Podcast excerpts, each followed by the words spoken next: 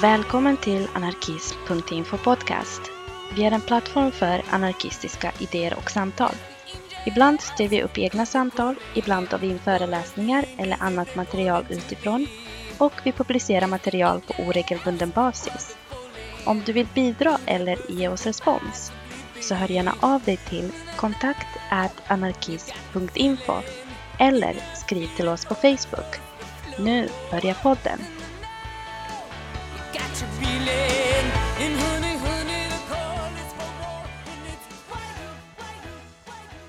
Hej och välkomna till anarkism.infos podcast. Idag blir det ett kravallsamtal om Kronstadtupproret och anarkafeminism. Med oss idag har vi mig, Luttra. Och Svartkatt. Och Alf. Mm. Vad, vi har ju 8 mars, ja vi spelar in där får vi väl säga 7 mars. Så vi har ju liksom eh, lite grann tittat på saker som är väldigt aktuella. 8 mars är precis runt knuten och eh, samtidigt så är det 100-årsjubileum för Kronstadtupproret. Ja, Och vi tänkte börja med det va? Yes. precis. Vi har ju läst en text kanske vi ska säga. Vad är det för text vi har läst? Vem är det som har skrivit? Um, vi läser en text eh, av um, Ida Mett, en uh, anarkist. Och eh, det är väl eh, främst den som vi utgår ifrån. Sen om någon kan fylla i lite om henne kanske. Mm, precis, och eh, lite kort, kort info. Ida Mette var alltså själv med i under revolutionen i Sovjetunionen eller Ryssland. Var aktiv bland annat som skribent för eh, en anarkistisk tidning som heter Del och Trudda i Moskva. Och flydde sen, blev arresterad för en subversiv verksamhet eller något sånt där annat härligt som man kunde bli då. Och fick sen fly och flydde till Paris där hon, Nestor Makhno och några andra eh, skrev eh, anarkistisk teori. Bland annat var det de som eh, skrev plattformen som blev en ganska som inspirerade ganska många anarkister runt om i världen kring hur man skulle organisera sig. Eh, så det är väl lite det kort om Ida Mett. Vad ska vi börja med att säga någonting? Vad är Kronstadt för någonting till att börja med? Ja, det är en, det är en liten ö ehm, som ligger i Finska viken. Mm. Och det var där eh, det började tänkte jag säga, eller där det utspelade sig. Mm, precis, jag kommer inte ens ihåg om ön heter något speciellt eller inte. Men det är i alla fall ön är där, det är en massa fästningar och eh, Baltiska flottan låg väl där. Det är som är Sankt Petersburg idag va? Ja, exakt. Eh, Petrograd hette det på den tiden och Sankt Petersburg eh, heter det idag. Eh, precis i, liksom, i inloppet där så, så ligger den här ön. Här bryter redigerar Svartkatt in en sväng för att eh, reda ut begreppen. Eh, Det är nämligen så att själva ön heter Kotlin.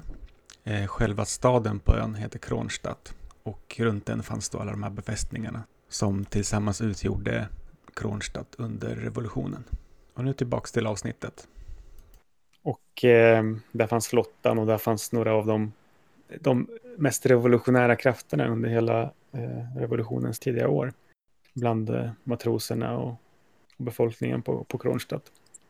Och då var, vi kommer att prata om eh, Kronstadtupproret som eh, inträffade i månadsskiftet februari-mars 1921. Det är alltså 100 års eh, ja, jubileum, känns som fel ord, det var inte jätteroligt, men eh, det var 100 år sedan som, som det inträffade. Då.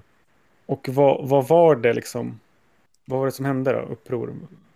Ja, det är risk att man blir någon sån här eh, historiepodd liksom, alltså ska berätta massa årtal och händelser. Men var det inte egentligen att, att precis som, det, som vi är inne på nu, att, att det här, det fanns en massa revolutionära krafter och eh, alltså, idéer och, och processer och, och kring hur liksom den ryska, eller var den ryska revolutionen var på väg, eller liksom, och, och som, som då började lyfta kritik och liksom förslag på, på så de, de såg liksom möjlighet till någonting annat och behov av någonting annat.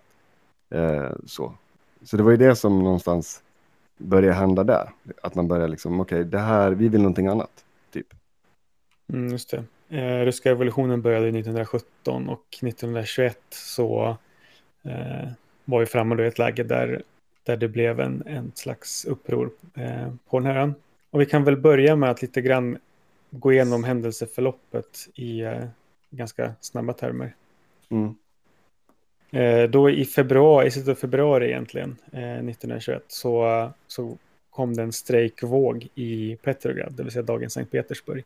Det hade varit en väldigt kärv vinter, eh, inbördeskriget eh, var just avslutat och det var brist på, på bränsle, på mat, på kläder. Så eh, framförallt så, så ville man ha eh, bättre ransoner, man ville ha vinterkläder eh, och det var massa problem med hur logistiken var mellan stad och landsbygd med, eh, med hur, det kon, hur det kontrollerades då att eh, grödor och, och, och, mjöl, vetemjöl och sånt där var det väl främst som, eh, som eh, var en bristvara som skulle komma in från, utifrån landsbygden.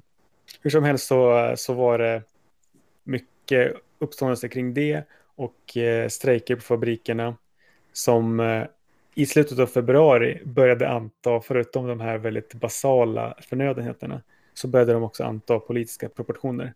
Folk började visa missnöje med styret och eh, eh, ville ha förändringar på liksom, socialt och politiskt plan också. Och eh, det är där som Kronstadt kommer in då, för det var en av de mest revolutionära delarna av liksom, det som hände under, under hela liksom, den tidsperioden, 1917 till 1921. De stod ju i, i främsta led varje gång liksom, att slå ner, slå, slå ner liksom, de reaktionära krafterna och borgerligheten och inbördeskriget och så vidare. Så de skickade ut en delegation till eh, Sankt Petersburg, för att, eller Petrograd som det heter då, eh, för att kolla sig för vad som pågick. Och eh, när de kom tillbaks då till, till Kronstadt så, så formulerade de då en, en egen linje. Då, att de, de tyckte att det här visade att nu har det gått så pass långt här att det är massa saker som de nog länge hade varit missnöjda med var så pass dåliga att det behövdes en förändring. Så de kom ut med en proklamation med 15 punkter och ville ha, förutom liksom de här olika sakerna kring förnödenheten, ville också ha nyval till Sovjeterna, att de inte skulle domineras av, av bolsjeviker. Och, eller, då kallades de för, främst för det var det kommunistiska partiet som bolsjevikerna hade blivit. Och de ville ha fria val och de ville att fångar skulle släppas, bland annat då eh, folk från arbetarklassen då, som, som uh, satt inne, liksom, som var politiska fångar, bland annat uh, socialistrevolutionärer och anarkister och andra som inte tillhörde kommunistpartiet. Och eh, där blev, det var väl så konflikten började. Sen var det väl någon vecka eller två med liksom, propagandakrigsföring där bolsjevikerna å ena sidan svartmålade det här upproret, eller vitmålade kanske i det här fallet, för de försökte förknippa det här med, med de reaktionära tsartrogna liksom, eh, krafterna. Och utmåla dem som att det här var liksom bortskämda arbetare som hade det bättre än andra och som kontrollerades av eh, borgerliga och tsarvänliga intressen. Eh, vilket det fanns liksom, extremt lite belägg för. Eh, de, de beläggen var liksom i den mån eh, det fanns liksom tsarofficerer bland Kronstadt-upprorsmännen. Så att spelade de en marginell roll och det fanns ju minst lika många på den andra sidan. För att det fanns ju många befälhavare och generaler som hade liksom bytt sida helt enkelt under, under kriget. Så sådana fanns det lite överallt. Eh, och hur som helst, det trappades ju upp tills det blev en väpnad konflikt och eh, eh, Röda armén på order från, från Lenin och under eh, eh insyn från Trotskij gick ju till, till angrepp till slut eh, mot Kronstadt. Eh, och efter mycket om och men, det var ju jättemånga som deserterade som inte ville anfalla sina liksom, arbetarklasskamrater. Så, lyck- så var det ändå eh, överväldigande och de lyckades krossa eh, Kronstadtupproret. Det här skedde väl, jag vet inte, det är för, hund, för hundra år sedan så pågick väl anfallen nu, typ runt 7 mars. Och det var väl några dagar senare som, eh, som till slut krossade hela upproret. Ehm, det är väl så här lite mellan tummen och pekfingret. Ehm, har ni några inspel här och så här långt? Är det något du har missat eller något ni vill nyansera i det här som har sagts? Mm, nej, jag tycker att det låter bra, men det kan vara värt att uh, poängtera att, att det var väldigt eh, det var ju främst också de här matroserna och de som eh, var baserade på eh, Kronstedt som också hade varit väldigt betydelsefulla just under tidigare under revolutionen som hade gått i front. De hade, det var liksom också som hade liksom stått bakom den här revolutionen som skulle genomföras och att det var de som visade sitt missnöje nu för att de fick inte tillbaka det som lovades som skulle komma ur revolutionen utan man såg hur, hur de som fick makten behöll den och det var verkligen arbetarklassen och bönderna som blev bestraffade utav deras politik och handlingar. Mm. Som att det nämndes att det var de som skulle ha det lite bättre än alla andra så var det också de som hade gått i strid och förlorat väldigt, väldigt mycket eh, tidigare. Ja, och sen den här, du kanske nämnde det, den där, men jag tänker de här alltså arbetarråden, att det var fokus liksom på dem, de här sovjeterna, att det var liksom, för det tycker jag, eller det slog mig när jag läste texten, att det kändes liksom eh, vettigt men också intressant, att det var det som liksom, som en del som man lyfte fram, att, att, att det ville man, tyckte man var viktigt, för det var ett sätt liksom att få, få makt, liksom, få, få möjlighet att genomföra saker liksom, där man befann sig. Och det var också det som, eh, som det framställdes i texten, att det, det stack väldigt mycket i ögonen. Liksom. Men på Lenin och många andra liksom, kommunist, från kommuniststaten. Liksom, att det, det var man inte alls beredd på att liksom, släppa på. Släppa fram de kraven. Precis, för till skillnad från vad som påstods så var det ju, de ville ju ha bort privilegierna. De ville ju ha bort eh, att liksom, liksom partifolk skulle ha, ha mer, bättre matransoner. Och liksom, att, att, bet, att de enda som skulle egentligen ha större matransoner, det var ju de som hade svåra jobb. Så alltså de som hade riktigt tunga jobb. Och eh, i viss utsträckning barn då. Eh, och samtidigt ville de liksom att eh, de här rekvisitionerna av, av, eh, av mat på landsbygden skulle upphöra, att det skulle få ske lite mer fritt.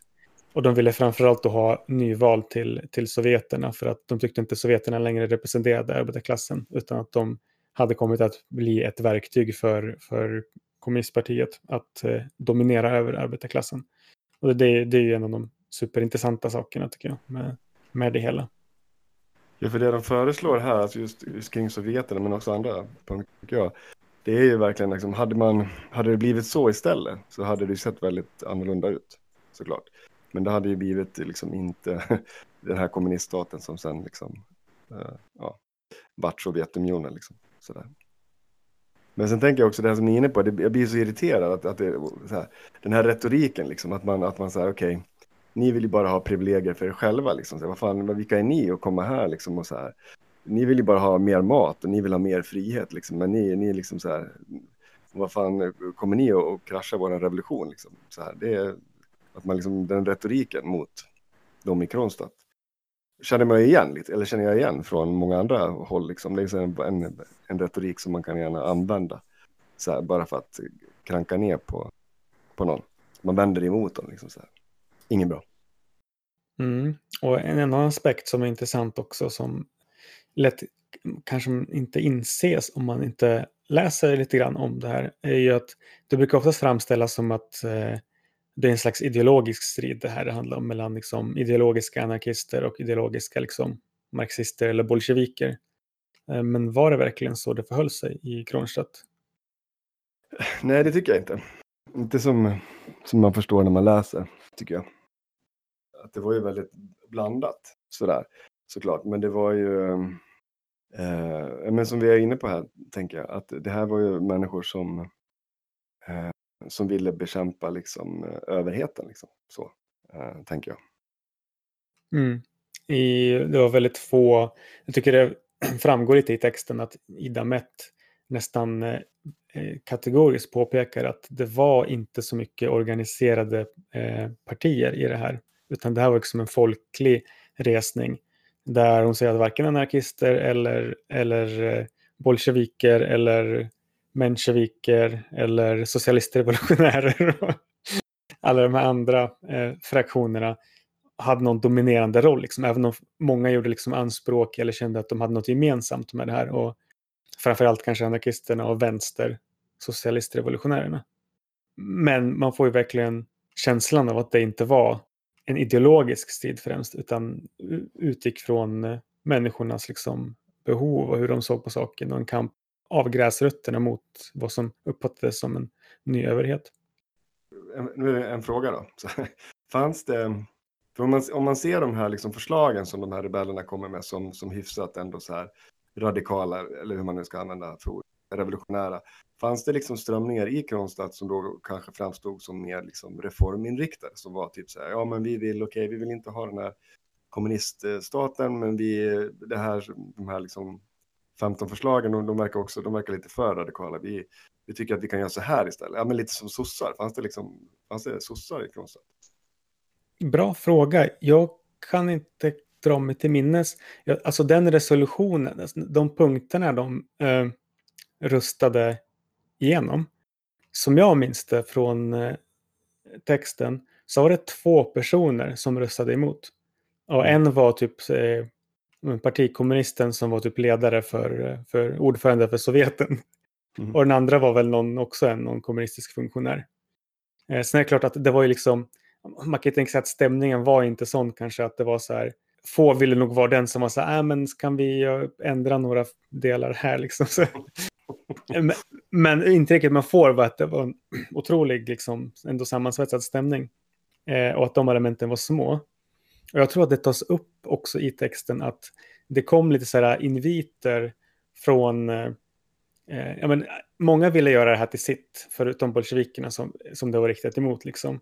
Eh, mensjevikerna sa ju att ja, men titta, de gör uppror mot diktaturen. Leve, eh, vad heter de, konstitutions, konstitutionella församlingen, eller vad det nu kallas. Som ju var det där som hade störtats i eh, oktober, november 1917. Eh, och eh, Kronstadt-rebellerna var inte jätteintresserade av, av den där församlingen. De ville inte ha någon sån här generalförsamling. För eh, läget hade gått, gått bortom det och jag har för mig att inom deras skrivelse så stod det till och med att så här, det, det här är ingenting som, som vi är intresserade av.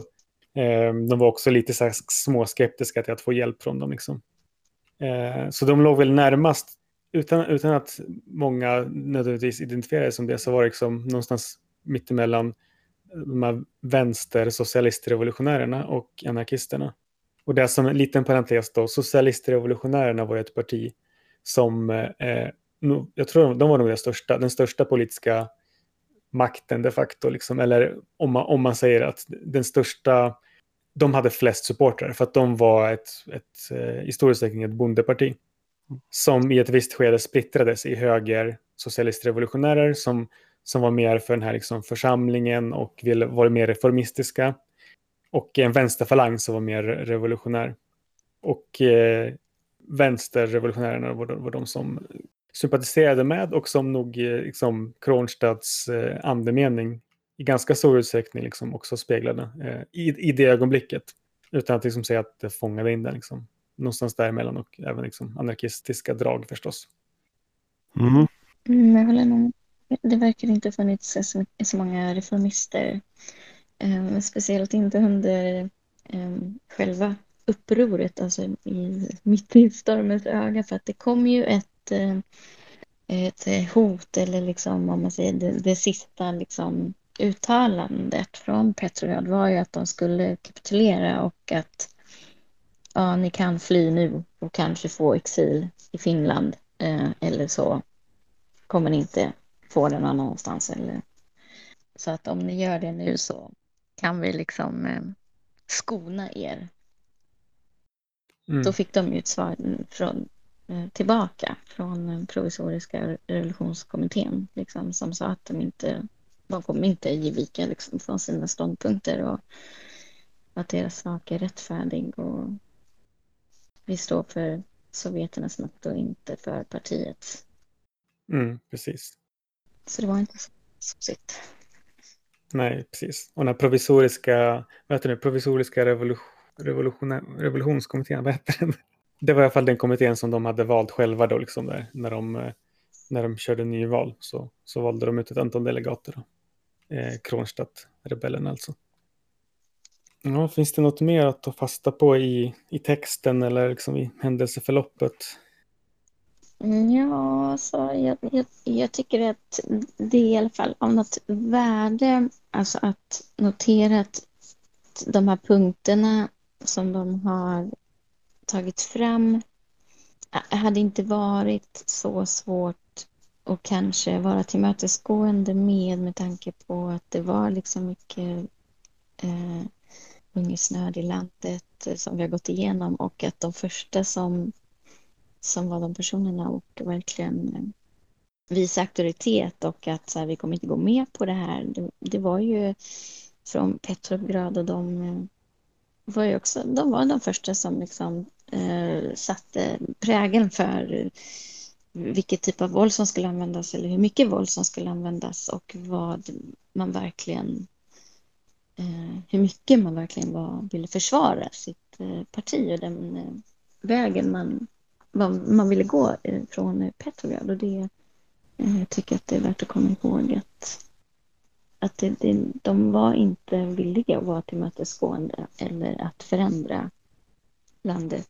Det tycker jag är ganska viktigt, eller det är i alla fall det som jag har snappat upp i texten, att, så här, att alla så här, våldshandlingar kom från första början från Petrograd, liksom att de och, då, och, och, det ständiga hotet om våld låg också från deras sida, så här, hur de kidnappade eh, familjemedlemmar från personer som bodde i Kronstadt. Och, um, att det var också de som skulle dö om de inte liksom, fick igenom deras krav och så vidare. Så det känns ändå viktigt att det här inte bara är några rebeller som, som är några våldsextremister som, som har lagt upp ett program för så här ska vi ha det. Mm. Nej men absolut, och, och jag kan ju tänka också så här, hur skulle det kunna ha gått på något annat sätt, tänker jag. Så här, för att det är ju lätt så här med i efterhand att titta tillbaka och, och, och så här, betrakta det som händer, men jag tänker så här att ja, å ena sidan, det är svårt att se hur de där skulle kunna liksom de rebellerna som det blev och som var där skulle kunna stå emot liksom, Röda armén och liksom så här, Eh, Eh, både liksom den fysiska militärmakten men också liksom eh, retoriken och liksom allting kring. Liksom så här. Men, men samtidigt, vad, finns det något spår här där man ser att menar, det skulle kunna gått, vad är det som skulle kunna ha gjort att det hade gått på ett annat sätt? Liksom? Att de inte hade liksom blivit, att de inte hade dött där, mm, eller varit tvungna att fly. Liksom. Mm, alltså man kan säga att deras krav var ju, hade ju stort genomslag eh, i den mån att de eh, reflekterade vad många liksom, eh, strömningar som pågick. Både, alltså, just eh, också knyta an till det som, eh, som Lutra sa tidigare, att det var, liksom, det var en ganska brutal eh, våldsuppvisning från eh, kommunistregimens sida och också en slags auktoritetsuppvisning. Att det var ju till, till viss del när kraven blev politiska som det blev riktigt allvarligt. Och först så satte de upp en försvarskommitté i själva Petrograd för att underminera eh, strejkerna där. Eh, så det, det, började liksom redan, först var de tvungna att kuva eh, Petrograd, sen var de eh, tvungna att kuva Kronstadt för att visa att det är vi som bestämmer. Och det mest ironiska är ju att några av de kraven som, som framkom var ju att eh, bönder som inte har arbetskraft, alltså som inte är liksom kapitalister själva, utan som har liksom, om en egna gårdar, egen, eget bruk, de ska kunna få liksom, handla med sina liksom, varor fritt. Och det här under, under liksom själva upproret så förkastade ju bolsjevikerna det här som så typ småborgerligt liksom bullshit. Men så fort upproret var nedslaget så införde Lenin det här i det som blev liksom NEP, the New Economic Policy. För att de visste att det här, de här rekvisitionerna, det här liksom våldsamma och ganska liksom toppstyrda eh, sättet de använde, det funkade extremt dåligt. Det gjorde, det gjorde bönderna fiendligt inställda och det gjorde liksom det svårare för alla att eh, få den mat de behövde. Eh, så det var, det var, vad som behövdes, men det fick inte komma från Kronstadt eller från någon annan. Så det, liksom, det visar tydligt att det var ett sånt drag av att försöka bevara sin, liksom, sin gryende liksom, auktoritet. Och på samma sätt så användes ju propagandan ganska flitigt. Eh, de hade ju en, den, den starkaste propagandaapparaten. De kunde liksom eh, i princip så här gaslighta liksom, och eh, underminera, alltså göra folk eh, osäkra på om är det verkligen en så här typ tsarisk komplott så där, liksom, vad är det som stämmer? För, för många, många av förbanden som kom ville ju också först inte slåss. Många vägrade, många ville ha så här typ möten tillsammans med liksom sina kamrater från Kronstadt och de var ju tvungna att ta dit trupper från långt ifrån och omplacera massor med trupper för att liksom försöka eh, styra rätt på det här det är väl en sån sak som till exempel Ida Mett och Nestor Makhno och de andra också sen från Paris skrev mycket om kritiskt. Att liksom den, om, vi, om man säger den organiserade anarkistiska rörelsens misslyckande i, i eh, Ryssland var ju mycket att den inte var tillräckligt organiserad.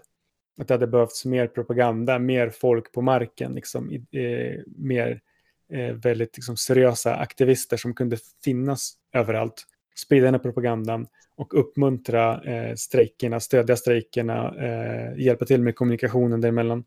För under samma tidsperiod också, på grund av de här sakerna, så var det ju, det var ju hundratals bondeuppror. Eh, det var strejker i flera andra städer. Så det var en väldigt känslig tidsperiod som, som hade kunnat koka över. Liksom. Men det är så lite kontrafaktiskt. Liksom. Så, ja, Mm. det hade kunnat gå annorlunda, men det gick inte annorlunda. Liksom. Så att på ett Nej. vis är det så här, var, det gick inte annorlunda för att vissa saker var för svaga, liksom, helt Ja. enkelt. Mm.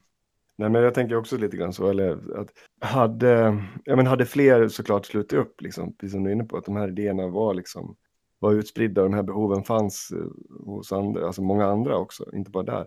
Eh, och hade liksom fler haft möjlighet eller kunnat liksom deltagit i, i den kampen eh, så hade det kunnat liksom gått annorlunda.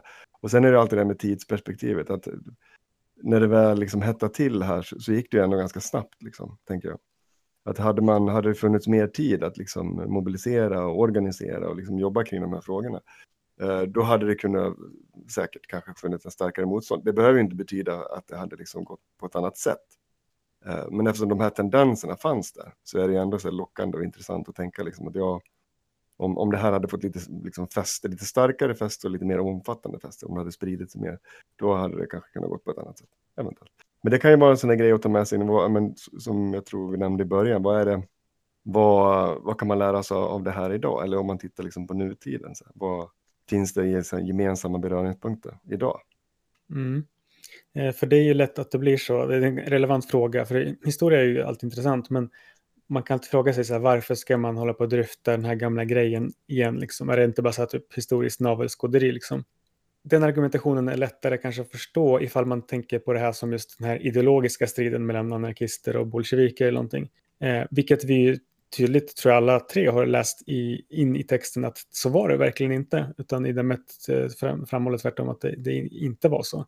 Eh, och då blir det relevant för att det visar ju, det blir inte liksom en så här ideologisk eller sekteristisk pajkastning, utan det visar så här, hur ser det ut när en stor omstörtande liksom, sak händer i samhället, liksom en revolutionär situation, vilka ideologier finns, vilka liksom, vardagliga materiella omständigheter finns? Och eh, var sker kampen underifrån?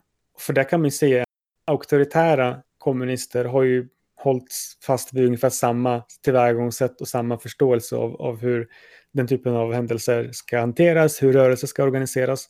Och det här är ett av många tillfällen som jag tycker visar på att det gång på gång blir fel. För att de här eh, rörelserna, revolutionerna, upproren kidnappas, liksom, eh, tas över av eh, en toppstyrd centralmakt och eh, kvävs till slut. Och det är ju liksom, vi är i en annan situation, men om man tänker på liksom revolutionär förändring så är ju det också, kan ju vara ett potentiellt problem. Det jag tycker är viktigt att ha och liksom pusha för det här underifrån perspektivet och visa historiskt hur eh, kraftfullt det ändå har varit, att tendenserna har funnits där och att de har motarbetats aktivt av makten. Ja, nej, men jag tänker också så lite grann, för att när man väl börjar liksom ifrågasätta makten på ett sätt så- att det liksom eh, blir effektfullt, liksom, eller man ska säga, men som de gjorde, när de började liksom men det, det, var, det var strejker och det var liksom de här kraven på sovjeterna och det var de här politiska kraven som kom in. Men då var det ju känsligt på ett annat sätt och då var ju, då blev ju liksom kommuniststaten tvungen, mer eller mindre. Inte tvungen, man hade kunnat upp på ett annat sätt, men, men utifrån, det, utifrån det syftet som de hade så var man ju tvungen att, liksom, att kväsa det här. Och det, den dynamiken är ju, i- är det ju ingen skillnad på, tänker jag, generellt. Att man väl börjar sätta liksom, eh, press på, på makten på ett sätt så att, det, så att det svider, så att det betyder någonting, då kommer de ju att slå tillbaka. Liksom. Så är det ju. Och det är ju bra att, att förstå, för att om man, innan man gör det så kanske man ska vara beredd att kunna hantera det också. Det handlar ju om organisering, liksom, tänker jag. Mm. Nej, jag håller med. Det, det är väl eh, det som vi nästan ständigt pratar om, vikten av organisering. Eh, för det är ju det som eh, kommer behövas i framtiden och om man då ska göra reflektionen så var det väl att det eh, från kanske från mm, många anarkister då just under konsten att det var mindre organiserat liksom. Det är väl det vi måste prata om, vikten av organisering.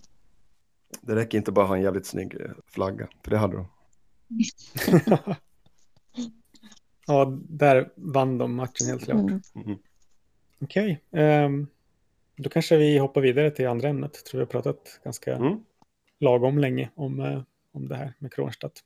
Eh, och vi kommer väl lägga, tillsammans med avsnittet så lägger vi väl upp en del länkar och sånt till eh, relevant, eh, relevanta texter. Eh, allt det här sked, skedde ju också i ett sammanhang av revolutionen där det finns jättemycket intressanta texter att ta del av. Som gör liksom att Kronstadt känns, det är inget undantag, utan det känns som en naturlig toppen på ett isberg egentligen av det som hände. Och kanske en sista, ur ett anarkistiskt perspektiv så var det ju någonstans där som revolutionen dog, kan man säga. Och med de un- muntra orden så, så går vi vidare. Och eh, pratar lite anarkafeminism nu. Mm. Det är ju väldigt snart 8 mars. Om en kvart. Ja. Och då eh, tänkte vi prata lite grann om, om det, vad det är liksom. Lite grann, kanske det blir inte lika historiskt, men eh, än viktigare är ju att prata om vad det borde vara liksom. Em, först, vad är anarkafeminism liksom? Och vad, vad kommer det ifrån? ja, ska jag ta ton nu eller? Ehm, Kör på. Anarkafeminism är inget eh, nytt. Nej, men det är väl kanske lite oklart vad det är och varför det finns. Speciellt kanske inom eh, anarkismen. Eftersom att den ändå ska bekämpa alla hierarkier.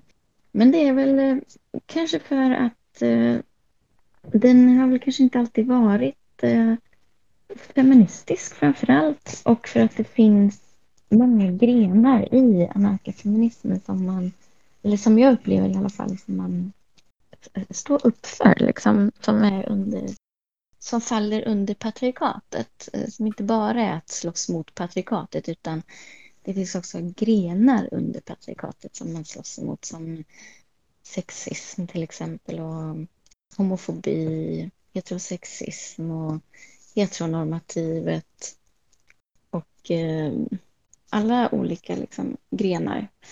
Därför tycker jag, att det är, tycker jag att det är viktigt att det finns. För att när man säger att man bara ska slåss mot patriarkatet så känns det som att det inte riktigt räcker och det har inte riktigt räckt heller historiskt. Och eh, det finns många eh, stora namn såklart som, som har påpekat det här och som har försökt att etablera det här. Eh, som vi kan dra en liten rant om sen. Men det, men det är min utgångspunkt i alla fall. Sen får ni fylla i vad, vad ni anser att det är eller hur ni har tolkat det. Mm. Det är liksom två, två vägar som jag ibland konceptualiserar det här med. Och det, är, det första är då varför behövs eh, feminism om man redan har anarkismen som är emot alla de här hierarkierna. Och det är ju sett historiskt bara så kan man säga att även om anarkismen har stått för det teoretiskt och det inte alltid den riktigt har gjort det heller eh, på ett konsekvent sätt så har den definitivt inte konsekvent eh, genomfört det i praktiken. Utan gång på gång på gång har ju eh, rörelser, kvinnodominerade rörelser framför allt, känt sig tvungna att föra in feministiska perspektiv för de har saknats. Så den, liksom, den gör i praktiken det anarkismen säger sig stå för i teorin. Och från andra hållet då så kan man säga att det också är en anarkistisk feminism, att man kan komma till den från liksom feministhållet där man inser att eh, feminismen för att vara konsekvent och effektiv måste också vara, inte bara syssla med frågor om patriarkat, utan måste eh, prata om som klassamhället, staten, rasism och den typen av saker. Att de här förtryckskategorierna hänger ihop, liksom. att de här dynamikerna hänger ihop. Och att eh, då måste feminismen vara anarkistisk för att vara liksom, fullt ut feministisk. Liksom. Mm. Ja, men jag håller med. Jag tänker som det är sådana kärnpunkter tycker jag. Alltså dels är ja, men, alla anarkister är inte feminister. Liksom. Därför behövs det här liksom, perspektivet. Och sen behövs det, eh, kan inte liksom, en feminism vara, förlita sig på staten. Eh, för det som kommer ut av det kommer att vara förtryckande. Sen har vi ju själva begreppet anarkafeminism. Det härstammar ju från 70-talet. Eh, Så där finns det ju en, en tydlig liksom, punkt där man kan gå både bakåt och framåt i tiden. Och det är liksom lite intressant för att historiskt sett så har ju feminismen inte varit en socialistisk strömning utan de tidiga eh, socialisterna kallades inte feminister för att feminismen då var ju helt genom borgerlig i princip. Så eh, anarkister som Emma Goldman till exempel kallades aldrig för, för feminister. Eh, inte så vet jag vet några andra socialister heller utan det var liksom andra, andra uttryck man använde sig och man var intresserad av lite andra frågor också kanske än, än de liberala feministerna. Eh, där kanske rösträtten trumfade många frågor. Och sen så på 70-talet så, så dyker det upp då en, eh, i samband med liksom en, en större feministisk våg så kommer både radikalfeminismen och anarkafeminismen in och röra om lite och eh, definieras för första gången liksom eh, uttryckligen. Och då är det framförallt som en organisationskritik och den kritik som framförallt återigen kvinnor men även liksom queer, queer och transpersoner upplevde i eh, de, de klassiska vänsterrörelserna så behövdes ett svar för att det var så mycket liksom patriarkala strukturer och liksom ingrodda sådana så att det kändes som att det fanns ett behov av någonting annat. Och det, ibland är det nästan lite, alltså läsa lite av de tidiga 70-talsgrejerna är lite sorgligt för att det känns som att det har hänt på den fronten väldigt lite. Att det är samma problem fortfarande i organisationer generellt sett. Det är väl, eh, det kan ju bli lite som en rörelse när man, speciellt också när man driver vissa frågor så får man direkt eh, ganska snabbt kanske svar från en statsmakt som säger att ja, de här, det här ska vi lösa. Liksom. Och så, då, då, därför är det liberala står alltid lite runt hörnet. Så här, för då förlitar man sig på att okay, men de kommer lösa det här nu eller man kommer införa det här och det här. Och då stannar det av lite. Och det är väl lite exakt där vi är idag. Eh, tänker jag med den här nyliberala eller feminism, det, feminismen idag är väldigt liberal, eh, tycker jag. Mm. Ja, det är den starkaste strömningen kanske. Vi läste ju även några texter här, förutom att vi läste Ida Mets text så läste vi, eller ja, vi försökte läsa några texter kan jag väl säga.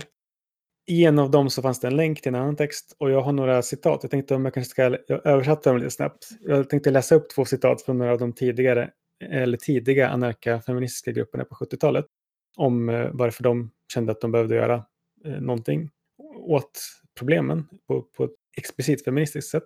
Eh, så jag att jag kanske läser upp dem så kan ni liksom se vad ni har för reflektioner på, på det här. Mm. Ska vi se, då står det så här. Varför är många kvinnor sjukt trötta på rörelser inom stationstecken? Vårt svar är att felet ligger i rörelsernas natur och inte hos de enskilda kvinnorna. Politiska rörelser så som vi känner dem har separerat våra politiska aktiviteter från våra personliga drömmar om frigörelse till den grad att vi antingen tvingas ge upp våra drömmar som omöjliga eller tvingas hoppa av rörelsen för att hålla kvar vid drömmarna. Som anarkister och feminister säger vi Våga drömma det omöjliga och nöj dig aldrig med mindre än att det omöjliga översätts till verklighet. Yes. Mm, och så det andra lilla citatet då. Grupper som främst är intresserade av att bygga inom citationstecken rörelser tenderar att 1 vattna ur de mer långtgående drömmarna till realistiska inom stationstecken krav. Och två, att själva till slut bli verktyg för tyranni. Nej tack. Mm. Ja men det är bra. Men jag känner, alltså jag tänker, jag hör ju liksom en, en frustration, en besvikelse i, i det här. Alltså det här liksom att man är i en rörelse som, som en, man är i en rörelse som man kanske ser som sin egen liksom. Och sen så känner man att det finns begränsningar och att man liksom inte vill ha de begränsningarna. Men att liksom nå dit man vill så behöver man liksom också kämpa liksom mot sin egen rörelse lite grann, eller frigöra sig från det lite grann. Så jag har ju liksom en, en frustration, men också lite en, en, en sorg, men också en liksom, ett engagemang, liksom, en, en, ja, en styrka i det där. För det är väldigt kraftfullt, och det är ju så, tänker jag. Jag känner igen det där personligt. Ja, men um, rörelsen säger ju mansdominerad, så det är inte heller bara inte lockande. Det kanske också inte är jättelätt um, att uh, hävda sig eller ta lika mycket plats, tänker jag. Det är väl eh, svårt. Eller upplevs som svårt. Mm. Och där, de är ju och nosar på någonting som också var en del av det som kom fram vid den här 70-talsvågen. Och det är det här uttrycket om att det personliga är politiskt. Och eh, det var ju en reaktion mot då att en upplevd separation, då, att du hade liksom det politiska, det fina, liksom det politiska, som var typ begränsat till, eh, ja, i viss mån kanske var en slags klassreduktionism och det var väl typ så här ofta men vita snubbar som pratar om saker som de tycker är viktiga. Eh, allt annat var inte politiskt, liksom. Att då, det, liksom, det reglerades ner till eh, no, ja, men det här är liksom personliga problem eller någonting som, som inte var lika viktiga, lika relevanta. Och det här var liksom en protest mot att det finns inget som inte är politiskt. Och alla de här sakerna som inte sker på stora massmöten, i, de sakerna är också viktiga och där fanns det också mycket dynamikproblem. Men också alla de andra sakerna var viktiga, behövde behandlas och behövde behandlas oftast på en annan skala. Mycket av de här anarkofeministiska grupperna var, var ju stenhårda på att köra eh, mindre vängrupper och agera utifrån sådana, liksom. Eh, inte utifrån massstrukturer som de upplevde som eh, där och då problematiska helt enkelt. Att där, där fick de inte gjort och sagt och igenom de, det de ville. Och det här är liksom lite sorgligt att säga att det, det här händer fortfarande i organisationer eh, överallt. Vad är vägen framåt då? Ja. Hade vi svar på den frågan alltså? Nej, men det är, så, det är jättesvårt för att det, um, dels är det svårt för att det alltid känns som ett litet sidospår. För att det är så mycket liksom man ska... Det är så mycket som man slåss mot. Det är så staten i sig. Det är patriarkatet och det är kapitalismen.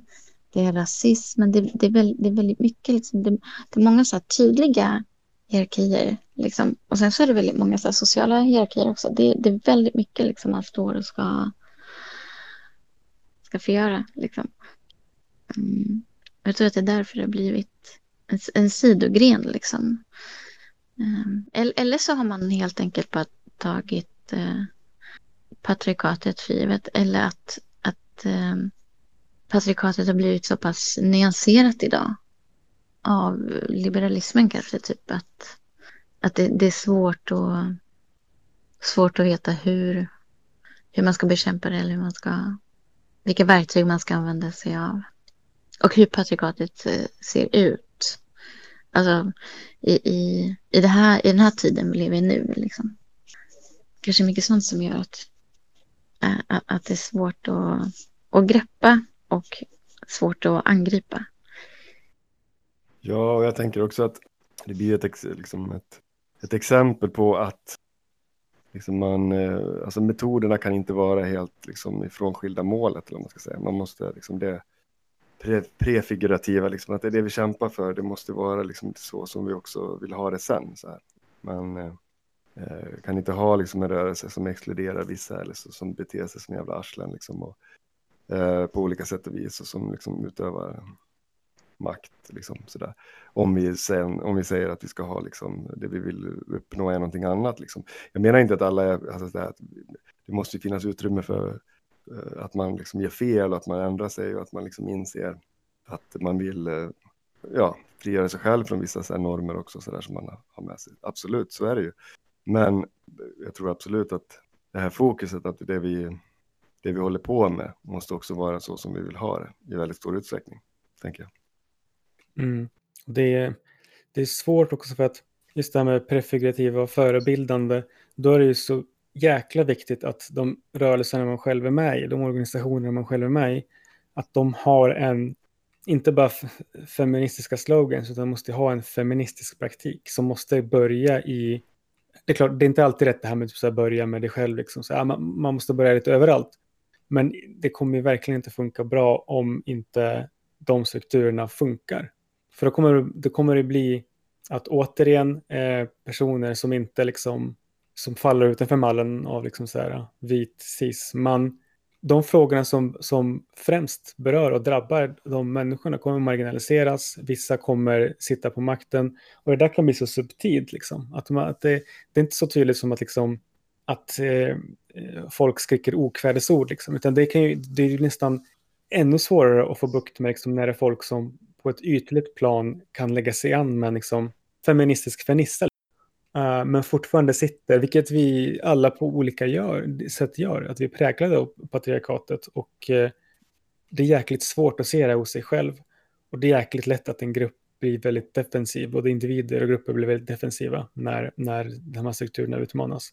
Och det ser man gång på gång hur, liksom, hur grupper splittras eller underminerar sig själva genom att eh, vissa patriarkala strukturer bara liksom får fäste och eh, vissa frågor prioriteras, andra ses som oviktiga. Och, och det, det, är lätt att bli, det är lätt att bli uppgiven, liksom, men någonstans får man liksom inte bli det, utan måste försöka liksom, hitta någon väg framåt. Och där tycker jag liksom kanske det är aldrig fel att gå tillbaka och titta på när det här hände, till exempel på 70-talet, liksom, anarkafeministerna. Vad, vad tänkte de, liksom, hur resonerade de, vad kan man ta till sig och försöka göra bättre? Liksom, och för mycket känns väldigt applicerbart liksom, på vår, vår samtid. Just de, de organisationerna de reagerade mot och de formerna de reagerade mot. Ja men absolut, jag tänker att, att, att vad heter det, Jo, men det finns mycket, alltså, så här, återuppliva, alltså, det finns inspiration att hämta i liksom, ja, men det här som du var inne på, som vi snackade om, alltså vängrupper, eh, hur man ser på liksom, ledarlösa, eh, så här, hur man eh, organisera sig i, i, en grupp liksom, för att det inte ska bli liksom, eh, toppstyrt, eh, att ha de här liksom, fokuset på eh, hierarkier, alltså, så här tydligt. Alltså alla de här sakerna, det är jätteanvändbara redskap. Eh, för att ha med sig i sina organisationer på, liksom, i markarbetet. Eh, så det är bara att fortsätta att liksom, ha med sig det fokuset så har man ju liksom så kommer det ju hjälpa jättemycket, tänker jag. Och om något så är det väl, tänker jag, i den tid som vi lever i så viktigt att det här lyfts fram, att det inte bara blir liksom en, eller inte bara ska jag säga, men att det inte blir en, en, liksom en diskussion, en kamp som förs liksom, eh, utan att den når ut. Liksom. För jag tänker att det finns ju det här behöver ju höras liksom. Det är en kritik som är så tydlig när den når ut. För att det finns så mycket att kritisera. Ja, jo, det är väl vettigt. Men det, jag tänker också att man också måste tänka att, eh, att man alltid är en eh, jag tänkte säga en rörelse i rörelse, men att man liksom alltid, att ens ideologi alltid är i rörelse, i utveckling.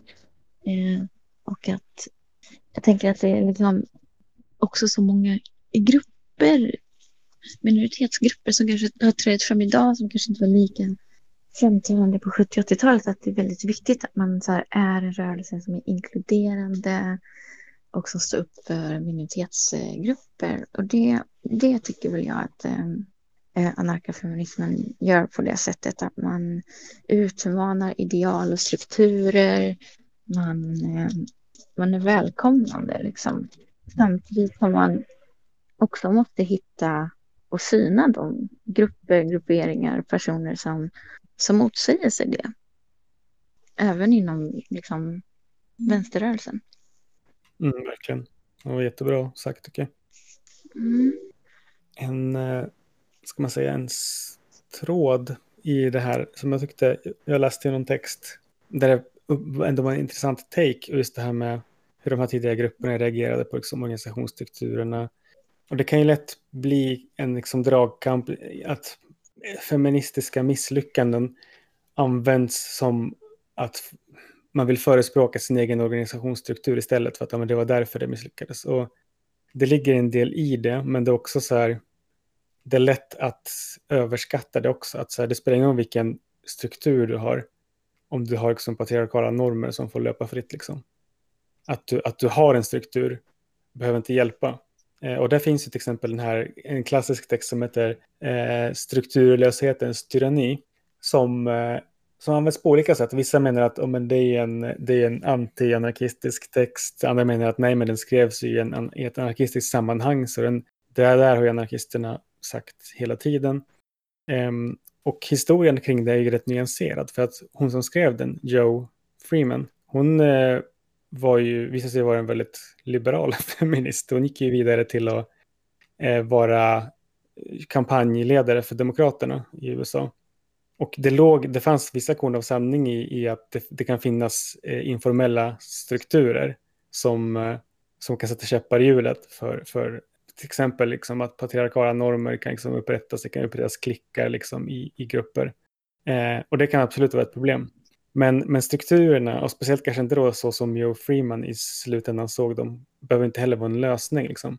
Eh, för hon var ju kritisk till, hon kritiserade de här mindre grupperna, eh, vängrupperna, eh, på ett sätt som många anarkafeminister inte höll med om. De menade att de här grupperna fyllde en, en bra och viktig funktion och var politiska också. Att du behövde inte hierarkiska massrörelser för att kunna vara politisk. Eh, så där finns det liksom en, en slags dynamik. Att liksom, ja, det, det, är bra att synliggöra hur grupper fungerar. Och, men, men strukturer behöver inte liksom utradera eh, hierarkiska eh, maktdynamiker utan kan ju förstärka dem. Så mycket problem som jag vet att flera anarkistiska och frihetsgrupper grupper har haft eh, kring frågor med, med, feminism och intern demokrati eller vad man ska kalla det. Eh, eller ja, sexistiskt beteende. Det är en del av de här, framförallt partierna, som har ju helt fruktansvärda övergrepp som, eh, som liksom bara folk kommer undan med. För att det är liksom en ledarskapsklick som också har liksom den strukturella makten i organisationerna som folk backar upp och som är ett eh, liksom, untouchable som kommer undan med vad som helst. Man ska inte svamla mer, men jag tycker det finns intressanta aspekter av att så här, om en struktur, inte struktur, liten vängrupp, större grupp och så där, att det finns, eh, det är väldigt nyanserat. Mm, det tycker jag.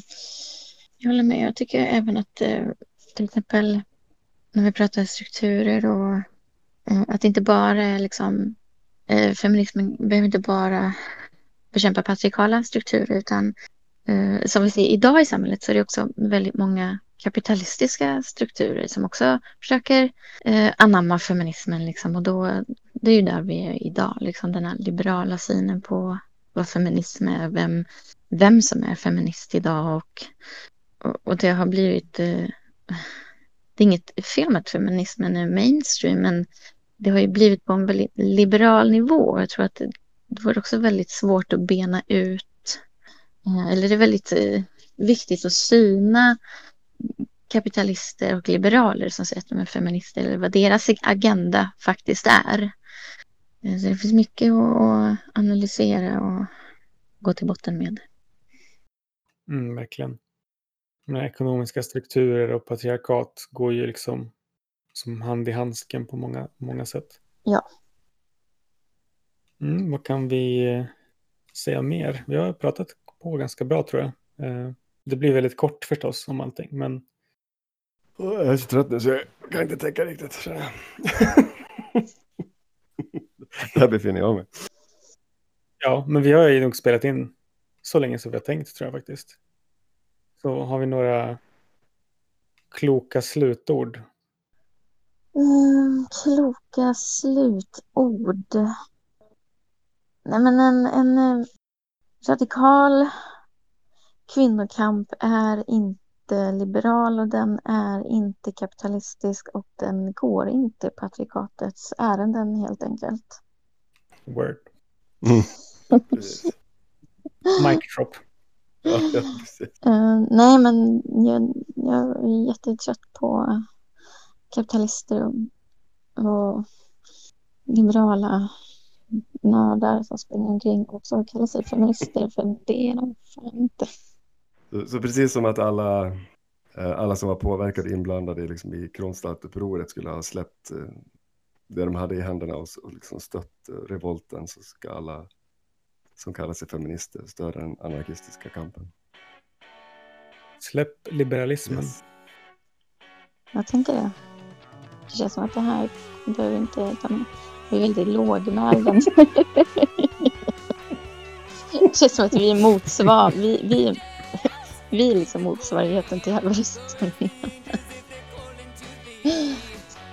jo, alla är väl trötta och så blir det så här dekadent, deppig, bitter stämning. Mm, bra, då tackar vi för idag. Tack så mycket. Ja. Hej då. Hej då.